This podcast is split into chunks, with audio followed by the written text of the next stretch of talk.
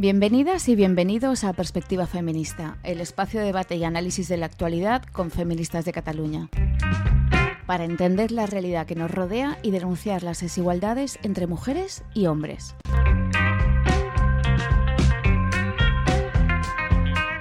Hola, Bienvenidas y bienvenidos a este cuarto episodio de Perspectiva Feminista. Soy Pat de Lidia y hoy os queremos hablar de un tema que la pasada primavera protagonizó grandes titulares de la prensa, tertulias de radio, televisión, portadas de revista durante varias semanas. No vamos a hablar de famosas y famosos que hacen realidad sus deseos narcisistas y sus fantasías a golpe de talonario. Esto es un espacio de divulgación y aprendizaje de feminismo, ya lo sabéis, no la va a redumbar. Pero sí hemos creído necesario aprovechar que el debate sobre la mal llamada gestación subrogada llegó por fin a la calle para aclarar unos cuantos conceptos. Comencemos por el principio. ¿De qué hablamos cuando hablamos de maternidad subrogada? Según la RAE, subrogar significa sustituir o poner a alguien o algo en lugar de otra persona o cosa. Es decir, aplicado a la cuestión que nos ocupa, parece indicar que una mujer sustituye a otra mujer en el acto o acción de ser madre. Dicho de otro modo, se contrata a una mujer para que realice lo que podríamos denominar un servicio corporal, que en este caso es el de gestar y parir un bebé. ¿Significa esto que también podría contratar a alguien para hacer la digestión por mí, por ejemplo? Qué manía tiene, ¿no? El neoliberalismo con disociar cuerpo y mente, como si las personas fuéramos almas o cerebros que conducen unos cuerpos que nos son ajenos, tal y como decía mi compañera Erika en el capítulo anterior.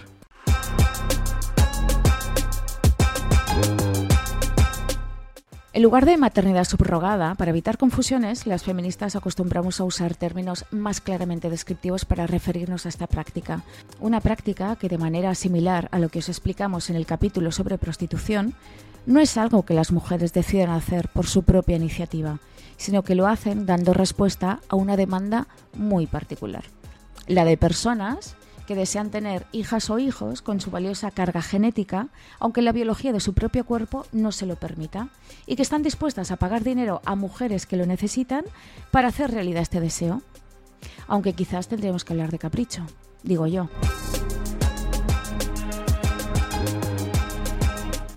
Vientres de alquiler es uno de los términos que más habitualmente usamos para referirnos a la gestación subrogada o gestación por sustitución, que no es otra cosa que la explotación de la capacidad de gestación de las mujeres.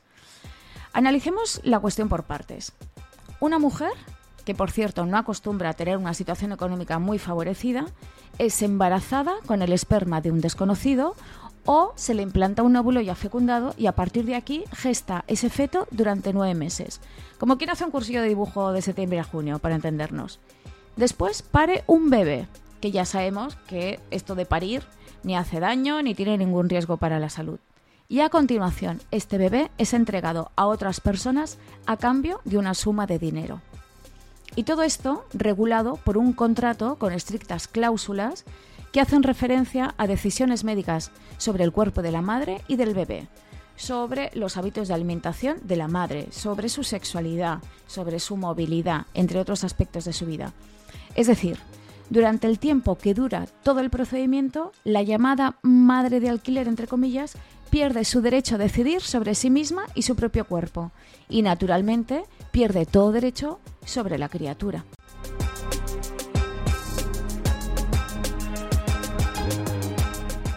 Además, durante el embarazo se somete a la futura madre a terapia psicológica para que no desarrolle un vínculo emocional con su hijo, con el objetivo de que en el momento en que le quiten al bebé, es decir, justo después de parirlo, no monte un drama. ¿Cómo se os queda el cuerpo?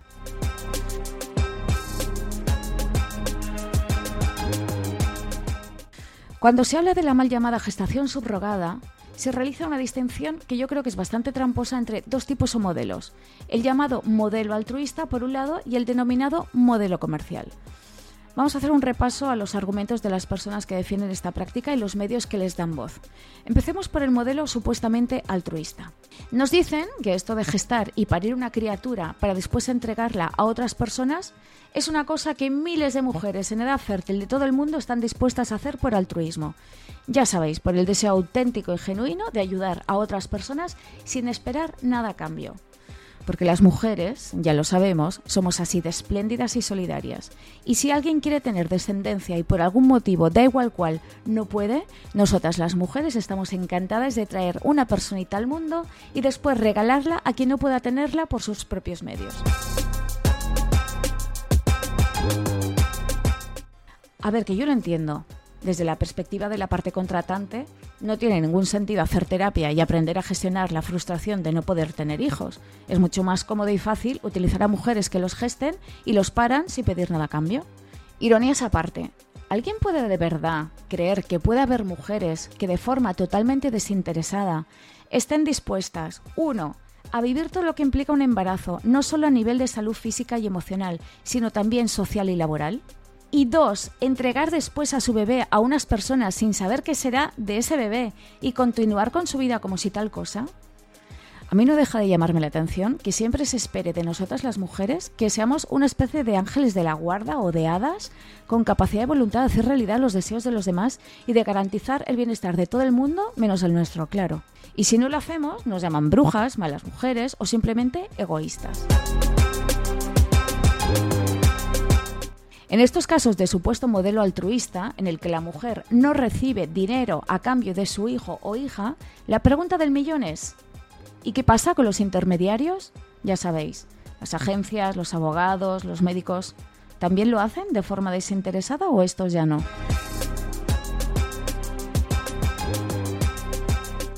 Analicemos ahora el modelo comercial, que en realidad, como ya os podéis imaginar, es prácticamente igual al anterior. En estos casos, la mujer recibe una cantidad de dinero por su servicio corporal y por su bebé.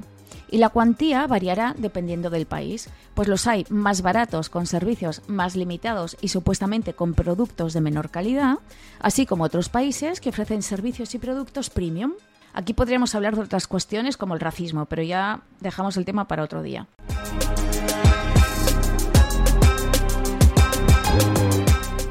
En algunas webs de agencias de explotación reproductiva incluso hacen ofertas dos por uno. Muy bonito todo. Cuando sale a relucir la cuestión del dinero, es decir, de la transacción económica que se produce entre las dos partes implicadas, a saber, la contratante y la contratada, se justifica diciendo que hay que compensar económicamente a la mujer gestante por las molestias que el proceso le haya podido ocasionar. Curiosamente, aquí solo hablan del proceso y lo hacen, por cierto, con una frialdad espeluznante, pero no acostumbran a mencionar el resultado de este proceso, es decir, el bebé. Un bebé que, disculpad la obviedad, es una persona muy pequeñita que con el tiempo crecerá, pensará, preguntará cosas y se convertirá en una persona adulta. Y esta personita que la parte contratada ha traído al mundo para alegría y satisfacción de la parte contratante, desaparece milagrosamente de la ecuación no sé, estoy pensando que esto puede ocurrir porque hablar de hacer entrega de una persona a cambio de una cantidad de dinero suena, no sé, regulinchis.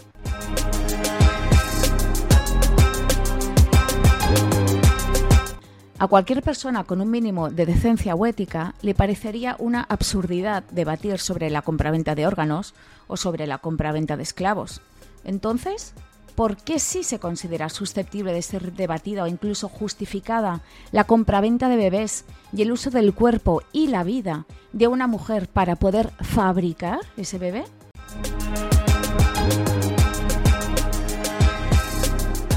Para justificar la explotación reproductiva de las mujeres se realiza una distorsión de la realidad mediante un lenguaje lleno de eufemismos y ambigüedades. Y esto lo podemos observar muy claramente en las páginas web de las agencias presentes en España. Os animo a hacer el experimento y a buscarlas en Internet. Evitan siempre mostrar o hablar de las mujeres que gestan centrando la atención en el producto final, el tan deseado bebé. Y además acostumbran a hablar de procedimiento o de técnica de reproducción asistida, reduciendo a la mujer gestante a una simple herramienta a disposición de los compradores en un catálogo en el que además pueden elegir a esas mujeres por país, por precio y por otras características, como el color del pelo o de los ojos. Todo con el objetivo de invisibilizar y romantizar lo que realmente supone esta práctica, una grave agresión contra las mujeres, un atentado contra su dignidad y contra la dignidad de la infancia.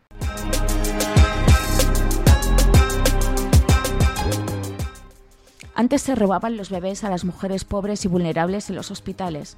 Ahora se les compra por un módico precio y se anuncian en páginas web con fotos tiernas y colores pastel. El abuso sigue siendo el mismo, pero la magnitud de este es muy superior, pues no conoce de fronteras.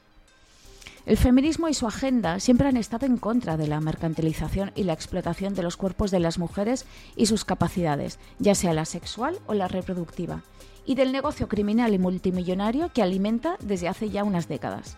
Y seguirá estándolo, por más que ciertos sectores de la sociedad y la mayoría de los medios de comunicación se dediquen a blanquear estas prácticas tan violentas y abusivas que atentan contra la dignidad de las mujeres.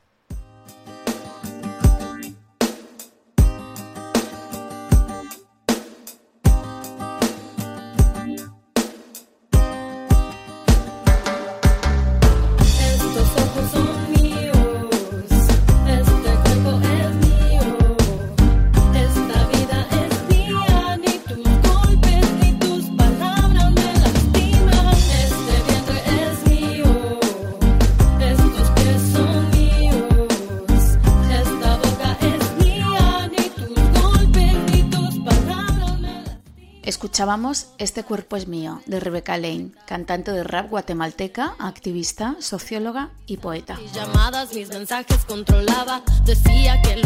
Y seguimos con más cosas. Llega la sección de la wiki feminista con Erika Bastide.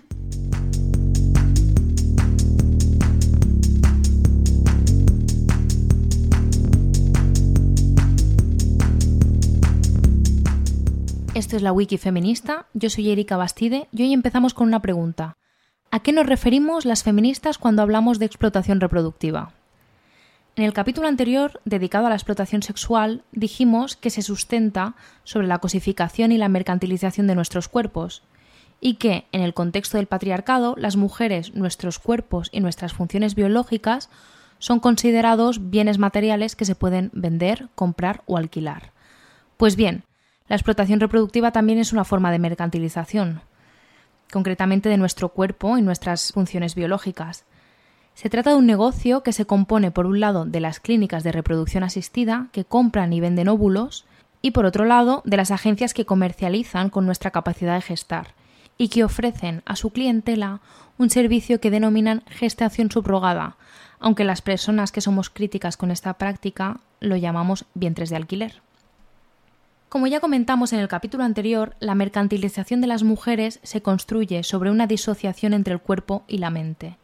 Y esta estrategia se hace especialmente evidente en la explotación reproductiva. Como ya comentamos en el capítulo anterior, la mercantilización de las mujeres se construye sobre una disociación entre cuerpo y mente.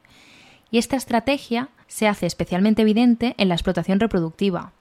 Hablamos de ovodonación como si los óvulos crecieran en los árboles pero la realidad es que las supuestas donantes se someten a cambio de dinero a un intenso tratamiento hormonal durante varias semanas y a un procedimiento quirúrgico invasivo con los riesgos que todo ello supone para su salud. Al tema de la ovodonación le dedicaremos su propio capítulo más adelante, porque también tiene tela. Pero esta disociación cuerpo-mente también se produce con el tema del embarazo, durante la mal llamada gestación subrogada. De hecho, el nombre vientres de alquiler pone en evidencia el hecho de que esta industria invisibiliza que el embarazo es un proceso biológico que altera completamente todo el funcionamiento de nuestro cuerpo. Según quienes defienden esta práctica abusiva, ahora se puede alquilar un órgano, como quien le presta un bolígrafo a un amigo. La explotación reproductiva, además de atentar contra las mujeres en todas las dimensiones posibles, también es contraria a la bioética más elemental. Es la fabricación de seres humanos, como si las personas fuéramos productos a la carta, además del tráfico de bebés que esto comporta, que van de un país a otro como si fueran mercancías que se pueden comprar y vender.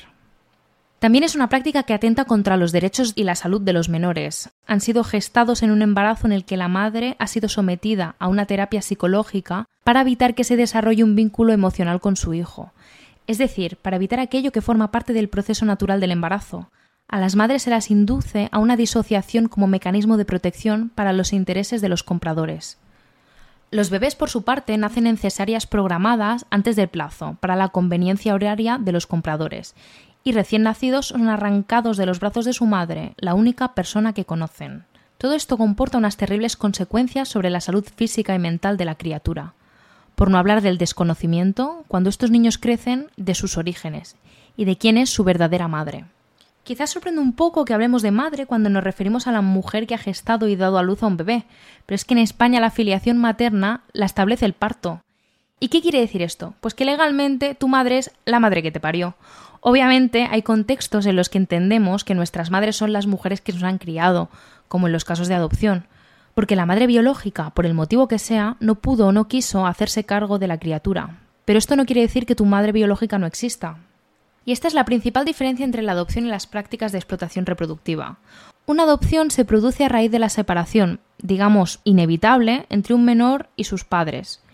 Y el Estado entiende que el menor tiene el derecho a tener una familia. Y por eso intenta buscar una persona o personas que sean adecuadas para criar a este niño con toda la responsabilidad que eso comporta. La explotación reproductiva, en cambio, surge de la idea neoliberal de que las personas tenemos el derecho a ser padres o madres ya hemos comentado en otras ocasiones que el neoliberalismo convierte los deseos en derechos. Y en este caso, en el centro de la explotación reproductiva, nos encontramos ante la falacia de mi derecho a tener hijos biológicos. Y esto también se tiene que dejar muy claro. El derecho a tener hijos no está contemplado en ninguna legislación del mundo. No es un derecho, es solo un deseo. Y como tal no tiene que ser garantizado por la ley. Hay países donde la mal llamada gestación subrogada está regulada como modelo supuestamente altruista. Este es el caso de Portugal.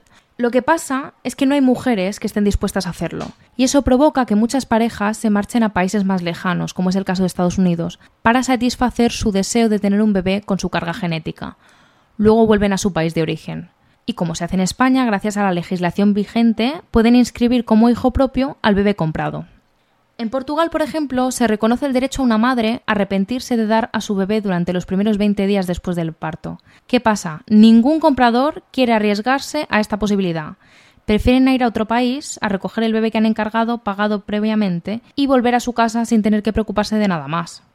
Los contratos de gestación subrogada no son legales en España. Y la gente se marcha fuera a explotar a mujeres pobres y comprar sus bebés.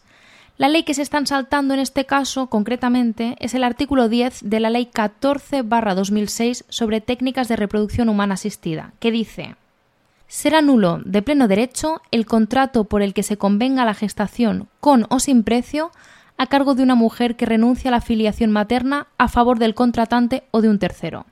La filiación de los hijos nacidos por gestación por sustitución será determinada por el parto. Os quiero leer también un fragmento de la Ley Orgánica 1-2023 que modifica la de salud sexual y reproductiva e interrupción voluntaria del embarazo. Y dice así. La ley recoge también las formas de violencia existentes en el ámbito de la salud sexual y reproductiva de las mujeres, en línea con el Convenio de Estambul. Se incluyen la esterilización y la anticoncepción forzosa, el aborto forzoso y la gestación por sustitución, creando además un itinerario de medidas destinado a la reparación integral de las víctimas de estas violencias. Está claro, la gestación por sustitución es violencia contra las mujeres. Y a continuación le echamos un vistazo a la actualidad.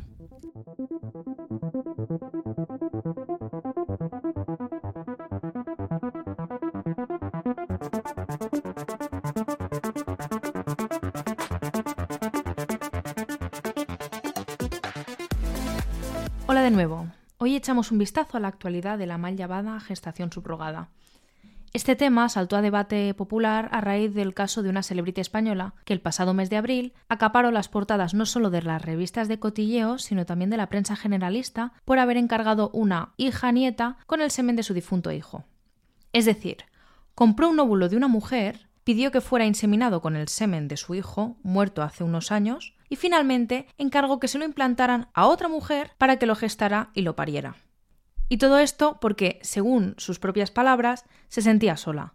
Vamos, que se compró un bebé de compañía. Pero no solo para sentirse menos sola, sino supuestamente también para cumplir la última voluntad de su hijo. Lo único bueno de este macabro caso es que puso sobre la mesa una práctica abusiva y éticamente inadmisible que las feministas llevamos décadas denunciando porque este no ha sido ni el primer caso ni el último, desafortunadamente. Son muchas las celebrities que han optado también por explotar a mujeres vulnerables y hacer uso de su cuerpo como si fuera un horno. Pero no solo. Cada año miles de personas anónimas en nuestro propio país viajan al extranjero para recoger bebés encargados con antelación. ¿Y quién es esta gente que recurre a la explotación reproductiva? os preguntaréis. Pues desde mujeres con problemas de fertilidad o que no pueden pasar por un embarazo por una contraindicación médica, o porque simplemente no quieren someter su cuerpo al estrés físico y emocional y a los riesgos para la salud que supone un embarazo y un parto, hasta hombres solteros o en pareja con otro hombre que consideran que ser varón no debería ser impedimento para tener hijos con su propia carga genética. Todos sabemos que estas personas podrían recurrir a la adopción, pero prefieren no hacerlo porque, según consideran, es un proceso demasiado lento y que les obliga a pasar por unos farragosos test de idoneidad. Y además, claro, que lo que quieren son hijos realmente, entre comillas, suyos, y dicen que tienen derecho a ello. Pero vamos a ver, claro que el proceso de adopción es lento, porque es un proceso en el que se prioriza el bienestar de las criaturas, y eso requiere asegurarse, entre otras cosas, de que los adultos que quieren adoptarlas son las personas adecuadas para ocuparse de su crianza. En cambio, cuando alguien decide recurrir a la mal llamada gestación subrogada, lo que prima es el deseo de esa persona y por tanto su egoísmo y su narcisismo. Es decir, la motivación del fondo es la de quiero, y me merezco vivir la experiencia de tener hijos y quiero dejar huella en el mundo. Y claro, para eso es imprescindible que la criatura se parezca al comprador, que sea una especie de mini yo. No es extraño encontrar en la prensa noticias con titulares como una pareja se plantea devolver a su hijo gestado en un vientre de alquiler por no parecerse al padre. O ejemplos en la línea de compra un bebé por gestación subrogada y lo devuelve porque es mulato. Nosotras mismas hemos entrado en la web de una de estas agencias de gestación subrogada para curiosear. ¿Sabéis que se puede elegir a la donante de óvulos como de un catálogo? Iba a decir como si fuera Tinder, pero es que con el Tinder tienes que hacer match y aquí solo tienes que tener dinero en la cartera. Puedes escoger, entre otras cosas, el color de cabello, los ojos, la altura, el peso, los estudios, el color de piel, su origen. Vamos, como si fuera un coche. Cuantos más accesorios arrecifes, más caro es el producto final. Buscando en Internet, también hemos encontrado un vídeo de TikTok de una mujer embarazada norteamericana que era la segunda vez que gestaba por otra mujer. Esta chica estaba en un hospital llorando porque el médico le había dicho que el parto debía adelantarse por su propia salud, pero la familia compradora le había dicho que de ninguna manera, que si el bebé estaba bien, que ella debía esperar, porque ellos querían estar presentes en el parto y así se había pactado que es que esto es muy fuerte. O sea, los contratantes habían comprado, entre comillas, el pack entero, la experiencia completa, y les importaba un bledo el bienestar de la madre. Y casos como este no son inusuales. Encontré un artículo cuyo titular decía a una chica de Michigan los compradores se negaron a pagarle los 10.000 dólares pactados porque el bebé nació con microcefalia. Y hablemos de los datos, en concreto de cómo está regulada la explotación reproductiva en el mundo. La gestación subrogada comercial es legal, es decir, existe una legislación que la regula en países como Rusia, Ucrania, Israel, Georgia, Kazajistán, Bielorrusia o algunos estados de Estados Unidos. Otros países también lo recogen en sus leyes, aunque solo si se realiza de forma altruista. Esto sería Canadá, Reino Unido, Grecia, Australia, Brasil, Uruguay, India o Sudáfrica. Aunque como ya sabemos y hemos explicado antes, la diferencia entre un supuesto modelo altruista y el comercial es tramposa, pues porque en la práctica todos los países donde existe la gestación subrogada, aunque digan que es altruista, se permite una compensación económica.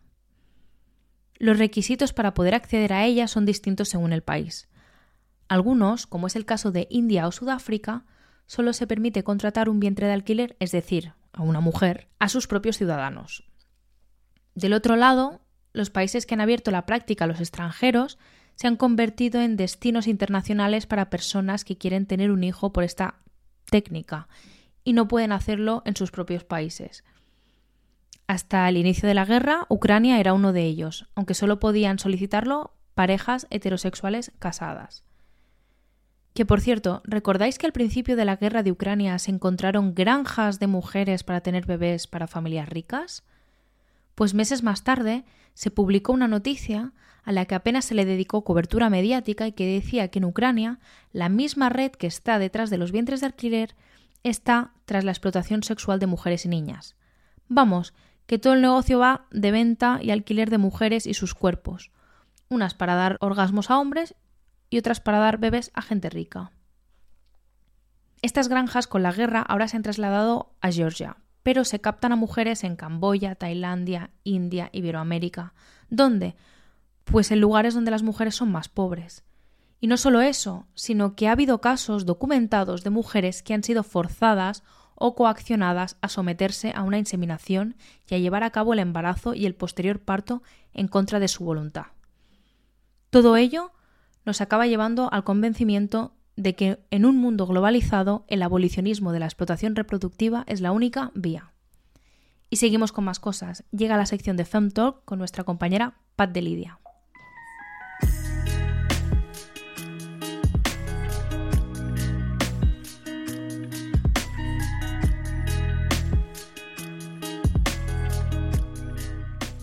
En nuestra FemTalk de hoy hablamos con Berta O. García, copresidenta de la CIAMS, Coalición Internacional para la Abolición de la Gestación por Sustitución, y coordinadora de la edición en castellano del libro Gestación Subrogada, un enfoque feminista abolicionista de la explotación reproductiva, publicado por la editorial Serendipia a principios de este 2023.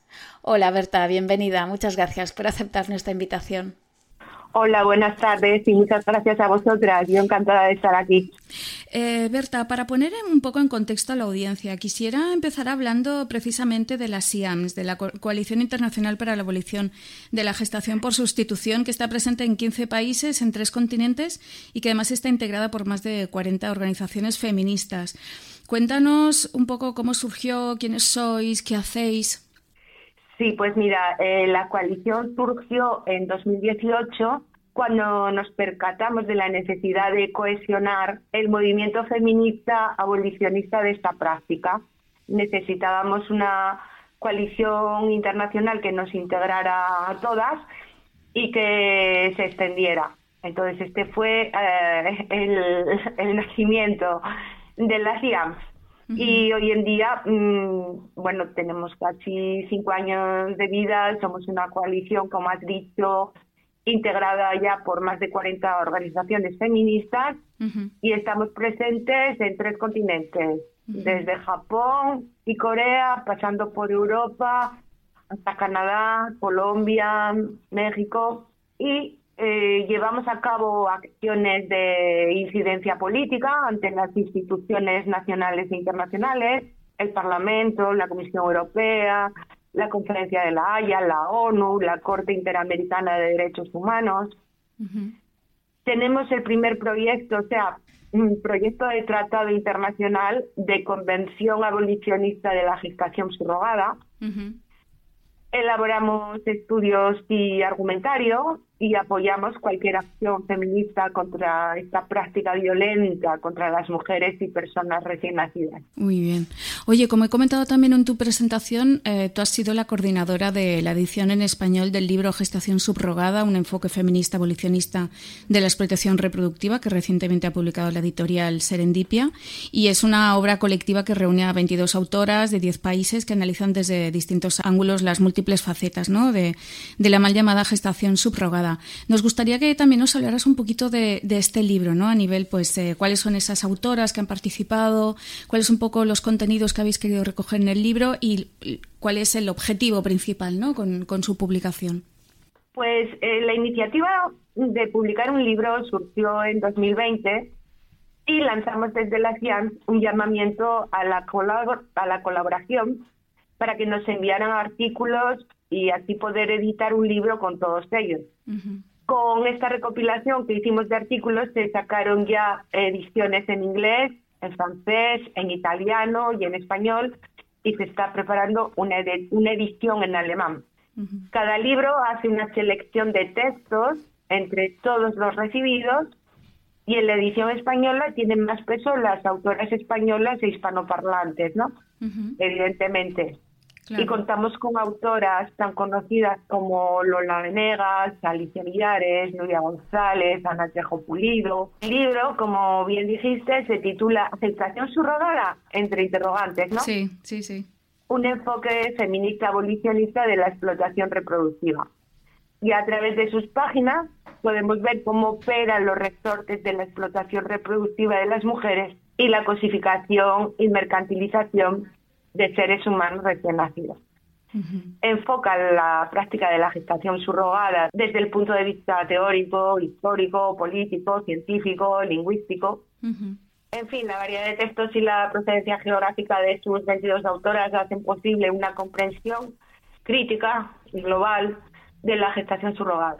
Claro, Por lo que, bueno, esta obra es una referencia indiscutible para comprender cómo opera la industrialización de la fertilidad humana y el peligro de las puertas del mercado.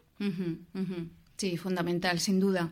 Tal y como hemos estado comentando a lo largo del, programa de hoy, hemos creído necesario aprovechar que el debate sobre, sobre, la mal llamada gestación subrogada está por fin en la calle, pues para aclarar unos cuantos eh, conceptos. Y bueno, tú y yo ya habíamos hablado antes, ¿no? Fuera, fuera de micro, y una de las cosas que me dijiste y que a mí me llamó mucho la atención hablando de la mal llamada gestación subrogada es que, bueno, es, me decías que es un relato construido sobre mentiras. Y me parece una idea muy, muy interesante que me gustaría mucho que nos pudieras explicar. Pues sí, mira, porque para empezar, subrogar es sustituir o poner a alguien o algo en lugar de otra persona o cosa. Y ni la gestación, ni la digestión, ni la respiración, ni ninguna función fisiológica se pueden subrogar afirmar una y mil veces que la mujer dona o cede su capacidad de gestar a otra u otras personas, convirtiéndose ella en gestante subrogada, siendo tal cosa imposible, no puede ocultar la realidad de esta práctica, que consiste en inducir a una mujer al abandono del hijo o de la hija que ha gestado y traído al mundo, cederlo a terceros mediante acuerdo o contrato y traspasar su derecho de filiación sobre ese bebé, que es la clave de esta práctica, mm. puesto que no existiría de no darse ese traspaso jurídico de la criatura a quienes la han encargado. La legalización de varios delitos, el delito de abandono de un menor, el delito de venta y compra de menores y el, y el delito de alteración de la filiación.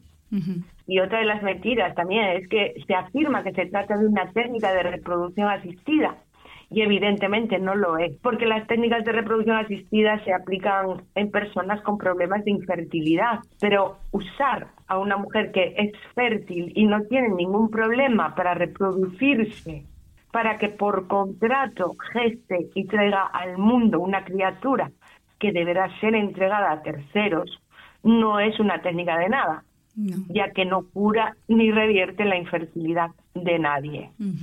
Y hay más mentiras porque también se dice que la mujer gesta un embrión ajeno y eso es imposible mm. porque desde el momento en que se hace una eh, un trasplante de órganos, una transfusión de sangre o una transferencia embrionaria a un cuerpo, todo lo que pasa a un cuerpo es suyo, según las leyes y, y según eh, todos los principios bioéticos que rigen el modelo internacional de trasplante. Nadie te puede pedir que devuelvas la sangre que te han transfundido, ni que devuelvas el órgano que te han trasplantado. Pero aquí se pide que la mujer devuelva un embrión ya convertido en bebé, después de nueve meses de gestación y un parto.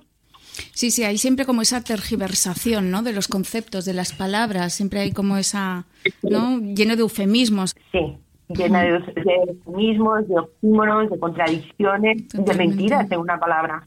Sí, sí, efectivamente. Oye, y Berta, ¿en España qué está ocurriendo? Porque, claro, eh, ya hemos comentado en el programa que eh, esta es una práctica que está prohibida en España. Eh, y sin embargo, hay mucha gente de aquí que lo está haciendo en el extranjero y luego se, se trae los críos aquí, ¿no? Esos bebés. ¿Qué, ¿Qué está ocurriendo en España? Para que la gente lo entienda. Bueno, pues porque en España se está aplicando la instrucción 2010, que es una instrucción prevaricadora vigente ya desde hace 13 años y que permite que eh, se traigan bebés eh, nacidos por encargo y contrato en el extranjero, siempre que en ese país extranjero, como puede ser Estados Unidos o Canadá, una sentencia judicial de un juez o una jueza de allí declare eh, padre o madre o padre y madre mm, del bebé nacido a las personas que lo han encargado. Tengan o no conexión genética con este bebé. Entonces, lo que está prohibido en España se permite realizarlo en el extranjero. Ahora has dicho, lo primero que has dicho es que esto se produce gracias a esa instrucción del 2010 que es prevaricadora. ¿A qué te refieres exactamente para que la audiencia también lo entienda? Pues es prevaricadora en un sentido. Mira, eh, la ley de eh, reproducción humana asistida no reconoce la gestación subrogada como técnica de reproducción asistida, obviamente, por lo que expliqué antes, ¿no? Utilizar a una mujer fértil no revierte la infertilidad de nadie, ni la cura. Eh, entonces, bueno, solo están recogidas en la ley aquellas técnicas acreditadas científica y clínicamente como técnicas y se excluye la gestación subrogada porque no es una técnica. En cambio, la instrucción 2010, si la lees, en todo momento se refiere a la gestación subrogada como una técnica de reproducción humana asistida. Es decir, contradice la ley española en, fondo y forma. o sea, el espíritu de la ley lo contradice y permite el fraude. A pesar de que en España son, son muchas ¿no? las personas que han recurrido a, a esta práctica legal, ilegal, perdón, y han, y han aprovechado esta instrucción para registrar estos bebés aquí, en realidad la polémica ha saltado solo a raíz del caso de, de Ana Obregón, ¿no? fundamentalmente, entre otras cosas, pues por ser mujer, por tener ya una cierta edad y porque además ella misma ha querido darle una gran visibilidad en la, en la prensa rosa. Pero al margen de estas cuestiones, me decías, me comentabas también fuera de micro que este caso concreto tiene unas particularidades, ¿no? Desde el punto de vista legal que lo hacen especialmente llamativo. Eh, me gustaría que nos contaras cuáles son esas particularidades también para que la audiencia entienda de qué estamos hablando. Pues sí, este caso presenta unas peculiaridades específicas porque no se trata de una gestación subrogada típica tal y como la conocemos, eh, me dediqué a indagar cómo era la legislación en Florida y resulta que allí no está permitida la gestación subrogada a personas solteras, solo a parejas casadas. Entonces ese fue ya el primer choque que me encontré. Digo, ¿cómo está siendo posible esto? Indagué un poco más y me encontré con algo peor de lo que habíamos imaginado y que consiste en lo siguiente. Mira, en Florida, cualquier persona casada o soltera y sin límite de edad puede encargar un bebé por gestación subrogada, es decir, utilizando a una mujer, para ser adoptado este bebé. El quid de la cuestión reside precisamente ahí, en la adopción. Normalmente se adopta un menor ya nacido para darle el derecho a vivir en una familia idónea. Pero aquí se ha hecho justo al revés. Se ha creado por encargo y contrato un bebé con el fin de que su madre lo abandone nada más nacer y lo ponga en manos de quien lo ha encargado. Además, se permite utilizar gametos de personas fallecidas hasta 45 meses antes. Esto es impensable que ocurra en los países que han suscrito el Convenio de la Haya para la protección de menores en situación de adopción. Porque las legislaciones sobre adopción internacional que emanan de este convenio prohíben taxativamente que los progenitores, y en especial la madre, dé consentimiento a la adopción del bebé antes de que éste nazca y que lo haga mediante pago o que lo traspase directamente a las personas que lo van a adoptar. Siempre tiene que intermediar el Estado como garante de los derechos fundamentales de ese menor. Pero en Estados Unidos no se ha suscrito ese convenio de la Haya para la protección de menores en situación de adopción, como tampoco ha ratificado la Convención de Derechos del Niño, y es el único país del mundo que no lo ha hecho ni ha firmado la declaración contra todas las formas de violencia contra las mujeres, conocida como CEDAW. Sí. Que tampoco la han firmado el Vaticano, Somalia, Sudán y Sudán del Sur y Palau. es decir, Estados Unidos junto a esos seis estados son los únicos países del mundo, los únicos estados del mundo que no han firmado esta declaración contra la violencia contra las mujeres. Y el único país del mundo que no ha firmado, perdón, que no ha ratificado la Convención de Derechos del Niño. Por lo tanto, no está sujeto a esa convención, ni tan siquiera a su protocolo adicional sobre la venta de menores. O sea, mm. eh, allí, en Estados Unidos, cualquier violación de derechos de los niños y las niñas es posible. Mm. Y a Ana Obregón se la reconoce como madre de esa bebé por sentencia de un juez de Estados Unidos. Y en aplicación de la instrucción 2010, se la reconocerá en España como madre de esa niña. Porque si bien la ministra de Justicia decía el otro día que iba a poner todas las trabas posibles para que eso no ocurriera, anteayer ya dejó caer que, bueno, que la instrucción 2010 era la mejor vía a aplicar. O sea, es evidente que falta voluntad política para anular esa instrucción que permite la explotación reproductiva y la compra de bebés transfronteriza. Hmm. Yo siempre hago esta analogía, mira, mm, tenemos una ley de tráfico, ¿verdad? Una ley de tráfico que fija la velocidad máxima dependiendo del tipo de vía. Bueno, pues imagínate que a la Dirección General de Tráfico, o sea, a la DGT, se le ocurriera sacar una instrucción que permitiera circular a 180 kilómetros por hora por delante de los colegios, soslayando la ley. Bueno, pues esto es exactamente lo que ocurre con la instrucción 2010 para que nos entiendan las personas que nos están oyendo. Sí.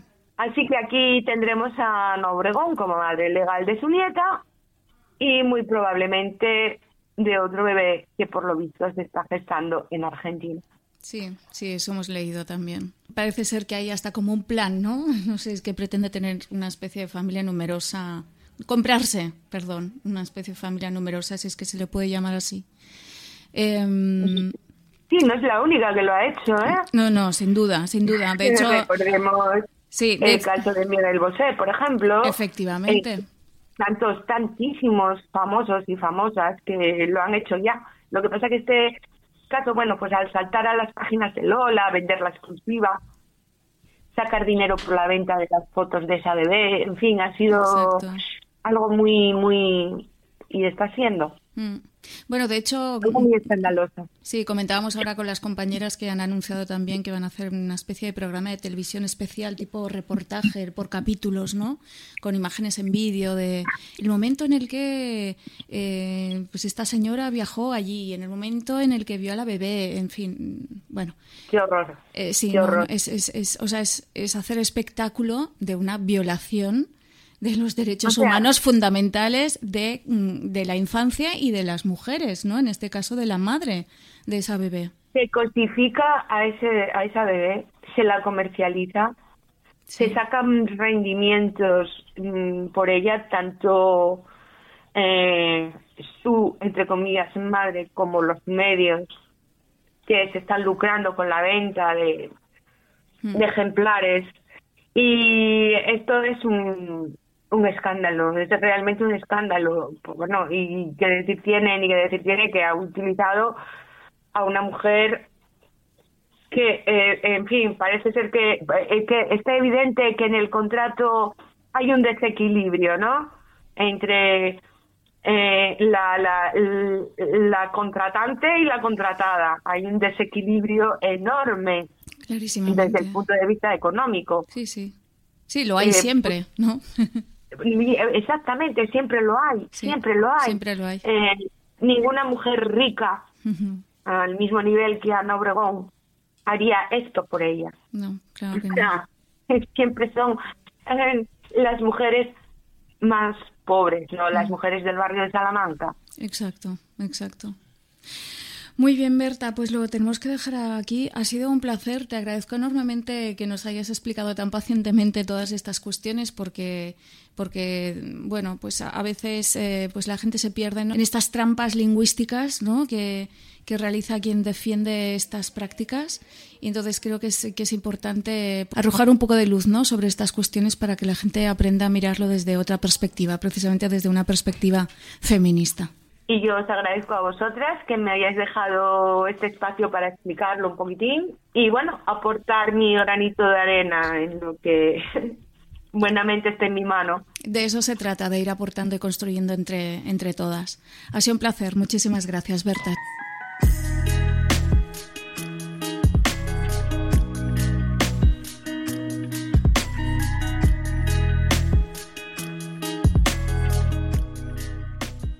Y hasta aquí el Perspectiva Feminista de esta semana. Muchas gracias por vuestra atención. Si queréis seguir el trabajo de Feministas de Cataluña, podéis consultar nuestra página web www.feministes.cat y también podéis seguirnos a través de nuestros perfiles de redes sociales en Twitter, Instagram, Facebook y TikTok o visitar nuestro canal de YouTube. Pero mujer nací en un mundo pa' machos, de huevas, de pantalones, de golpes, de maltrato, de infidelidades, de irresponsabilidades, de guerras, de multinacionales. Pero mujer nací en un mundo de varones donde a cada uno siete esclavas corresponde la propiedad del alma, sin respeto de nada. Pero nací mujer para estar callada. Nos despedimos con el tema musical Nací Mujer, de Diana Bella artista colombiana de hip hop y activista por los derechos de las mujeres. El rap es mi argumento, tengo algo por decir. Vamos que nada nos detenga, la lucha continúa, la victoria espera. Vamos que mujer representa la vida, el argumento, el amor y la fuerza. Vamos que nada nos detenga, la lucha continúa, la victoria espera. Vamos que mujer representa la vida, el argumento, el amor y la fuerza.